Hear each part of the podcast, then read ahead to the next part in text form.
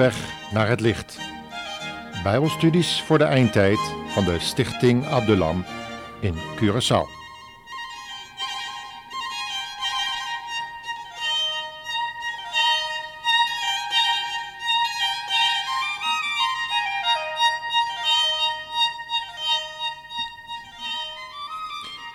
In deze uitzending willen we samen nadenken over de brief van de apostel Judas.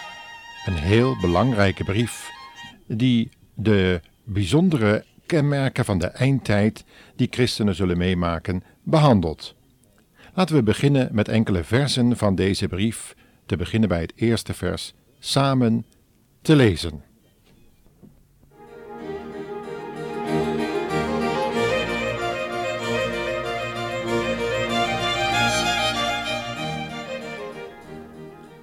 Judas, slaaf van Jezus Christus en broer van Jacobus, aan de geroepenen die in God de Vader, geliefd en in Jezus Christus bewaard zijn.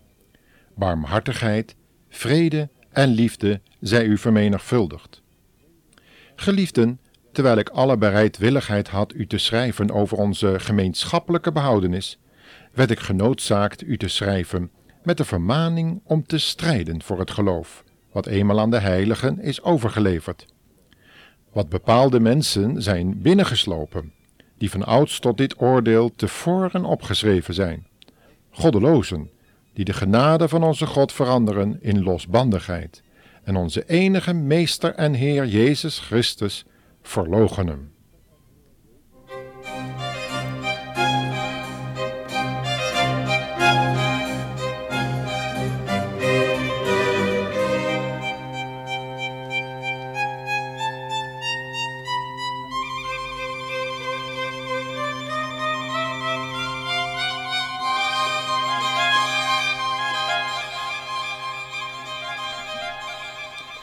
Strijd biedt weerstand, bindt de strijd aan. Als er afvalligheid ontstaat, als dwaalleraren de kop opsteken, als de waarheid Gods wordt aangevallen, dan is het tijd om te strijden voor het geloof. Alleen gelovigen die geestelijk in vorm zijn, kunnen aan zo'n oproep gehoor geven. Aan het begin van zijn brief concentreert Judas zich op het gemeenschappelijke heil van de gelovigen maar vervolgens voelt hij zich gedwongen hen aan te sporen om te strijden voor het geloof. Het gevaar is niet denkbeeldig. Valse leraren zijn de gemeente binnengeslopen en hebben Gods genade verdraaid tot een ongelimiteerde vrijheid om te doen wat ze willen. Judas herinnert deze mensen eraan hoe God in het verleden heeft afgerekend met het ongelovige Israël. Ongehoorzame engelen en het verdorven Sodom en Gomorra. Waar een dergelijk gevaar loert, is het zaak dat christenen waakzaam blijven. De uitdaging is groot, maar groot is ook de God die in staat is hen voor struikelen te behoeden. De brief van Judas. Strijd biedt weerstand, bindt de strijd aan. Laten we luisteren naar wat Judas ons te zeggen heeft.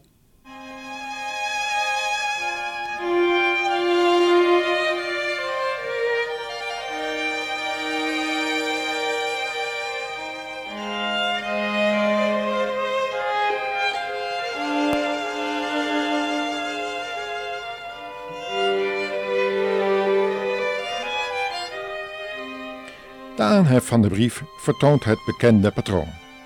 Judas, zie de inleiding, noemt zijn naam, de lezers en hij groet hem. De schrijver is geen apostel, maar noemt zich bescheiden slaaf van Jezus Christus. Doulos betekent slaaf, of tegenwoordig knecht. En het geeft aan dat Judas zich helemaal in Jezus dienst heeft gesteld. Op zijn bloedverwantschap met de Heer Jezus, Judas' oudste broer, valt geen nadruk. Met de of maar echter in vers 5 geeft de schrijver aan dat hij zich wel aandient als de broer van Jacobus, die, omdat het verder niet wordt aangeduid, blijkbaar alom bekend was.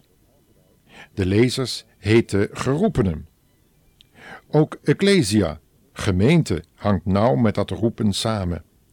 Deze geroepenen worden nader aangeduid met geheiligden en bewaarden.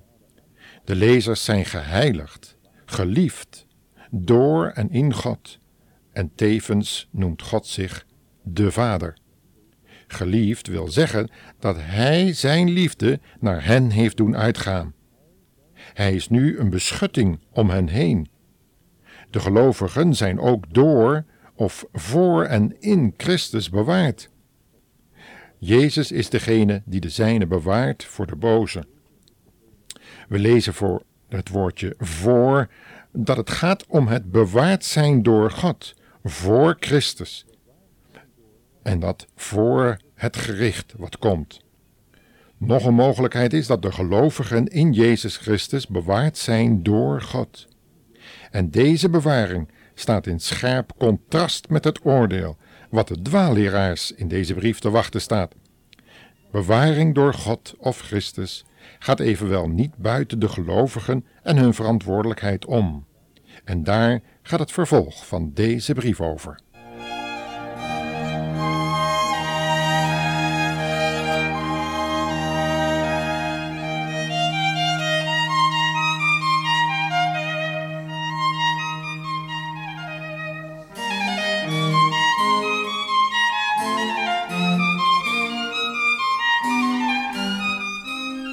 De brieven van het Nieuwe Testament lezen we op de plaats waar de antieke briefstijl een groet heeft, meestal een wens of bede, en die is van toepassing op de lezers en het dagelijks leven van de gelovigen. Het komt hier ook voor dat er barmhartigheid, medelijden en ontferming in de brief naar voren wordt gebracht.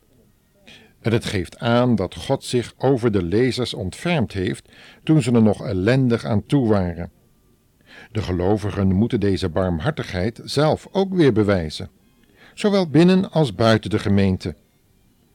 Vrede, ja, dat is de nieuwe manier van leven in deze wereld op basis van de door Christus herstelde relatie met God en bedoelt uiteindelijk het welzijn voor de hele schepping. In Christus hebben de gelovigen aan deze vrede reeds deel. En dan de liefde. Het is niet de liefde die wij mensen onderling kunnen oefenen, maar het is de agape-liefde, de liefde, het klimaat waarin God leeft en werkt. Hij bewijst gelovigen deze liefde, zoals we dat ook vinden in 1 Johannes 4, vers 19. God is liefde. Daarom heten zij ook geliefden. Die liefde heeft hij door de Heilige Geest ook uitgegoten in de harten van de gelovigen. U kunt dat lezen in Romeinen 5, vers 5. De liefde die uitgestort is in het hart van hen die zich aan de Heer Jezus hebben overgegeven. Beste luisteraar, heeft u dat al gedaan? Wanneer u naar deze programma's luistert, dan komt de vraag ongetwijfeld ook bij de bestudering van deze brief van Judas, de broer van de Heer Jezus, op u af. Ken ik die liefde die God zo graag in ons hart naar buiten wil doen stromen? Barmhartigheid, vrede en liefde zijn een geschenk van God en geven de gezindheid aan van waaruit de gelovigen nu reeds mogen leven. Het werkwoord betekent vermeerderen, vermenigvuldigen. En dat geeft aan dat deze barmhartigheid, deze vrede en liefde overvloedig kunnen worden. En dat is nu de wens van de schrijver. Het geeft aan dat God zo graag wil dat die liefde van Hem in ons hart niet alleen uitgestort wordt, maar ook in ons leven naar buiten treedt, overvloeit.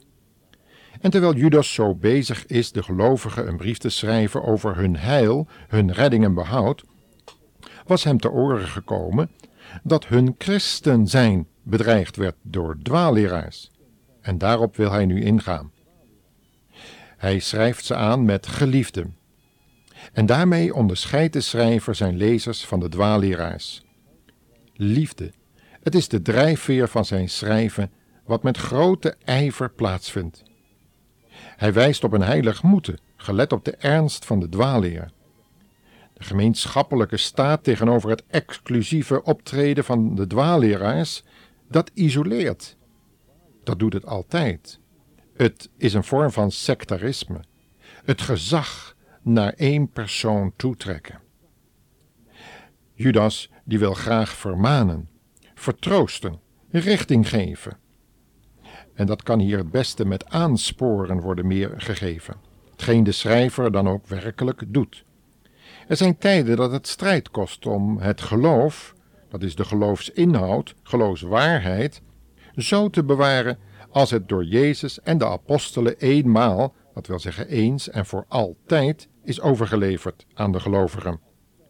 Strijden, vechten, dat stond boven deze pericoop.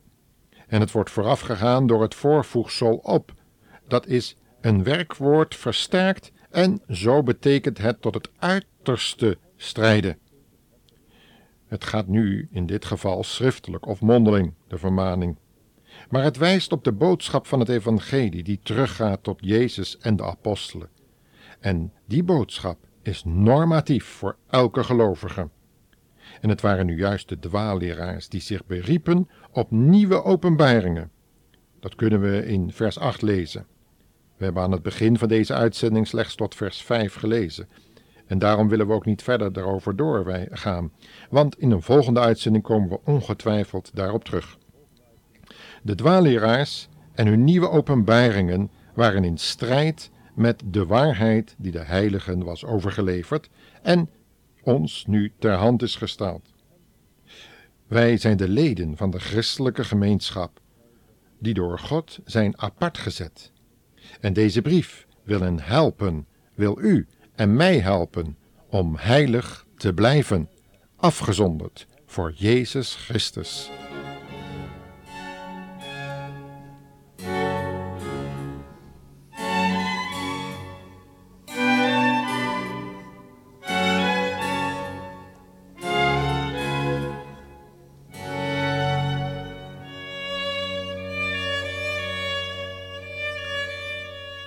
In de gemeente zijn dwaalleraars binnengekomen, die niet met name worden genoemd. Zij veranderen de genade van God in losbandigheid en verlogenen God in Christus. Hun indringen en insluipen, dat is stiekem binnenkomen, is de christenen bekend geworden en daarmee ook de broer van de Heer Jezus, Judas. De dwaalleraars worden hiermee getypeerd in hun wijze van doen. Het zijn er niet zoveel, maar ze hebben wel veel gezag. Ze zijn niet echt vroom. Integendeel, ze zijn goddeloos. En dat is in hun gedrag te merken. Gods genade wordt veranderd in losbandigheid, wellust. In de gnostische dwaalleer meende men dat het aardse en vleeselijke geen vat had op een geestelijke mens en dus vrij gebruikt kon worden. Verlogenen heeft steeds betrekking op een persoon. Jezus Christus, de Heer. Hij is ook God, Curios, die wordt verlogend. De dwaalleraars zijn in tijd gesproken tevoren reeds opgeschreven tot het oordeel. Dat slaat niet op vers 17 met een verwijzing naar 2 Petrus, maar het zegt dat er in de schriften van het Oude Testament al eerder over afvallige en goddelozen en hun bestemming is geschreven. Die profeet of dromendromer zal ter dood gebracht worden, omdat hij afval gepredikt heeft van de Heere uw God, om u af te trekken van de weg die de Heere uw God u geboden heeft te gaan. Zo zult gij het kwaad uit uw midden wegdoen, zegt Deuteronomium 13, vers 5. Het oordeel en het gericht wacht hem. Maar oordeel en gericht brengt ook altijd scheiding tussen mensen en het beslist over eeuwig leven of eeuwige dood. Wij hebben dat oordeel en gericht niet uit te voeren. Dat deed zelfs Michael de engel niet, als het ging over het oordeel over de duivel. Wij mogen dat dus ook niet doen. De Heer Jezus heeft daarom niet voor niets gezegd: oordeelt niet, opdat u niet geoordeeld worden. Maar wat wij wel hebben te doen, is de levenswandel van hen die ons omringen te toetsen, zeker en niet in het minst die van onszelf.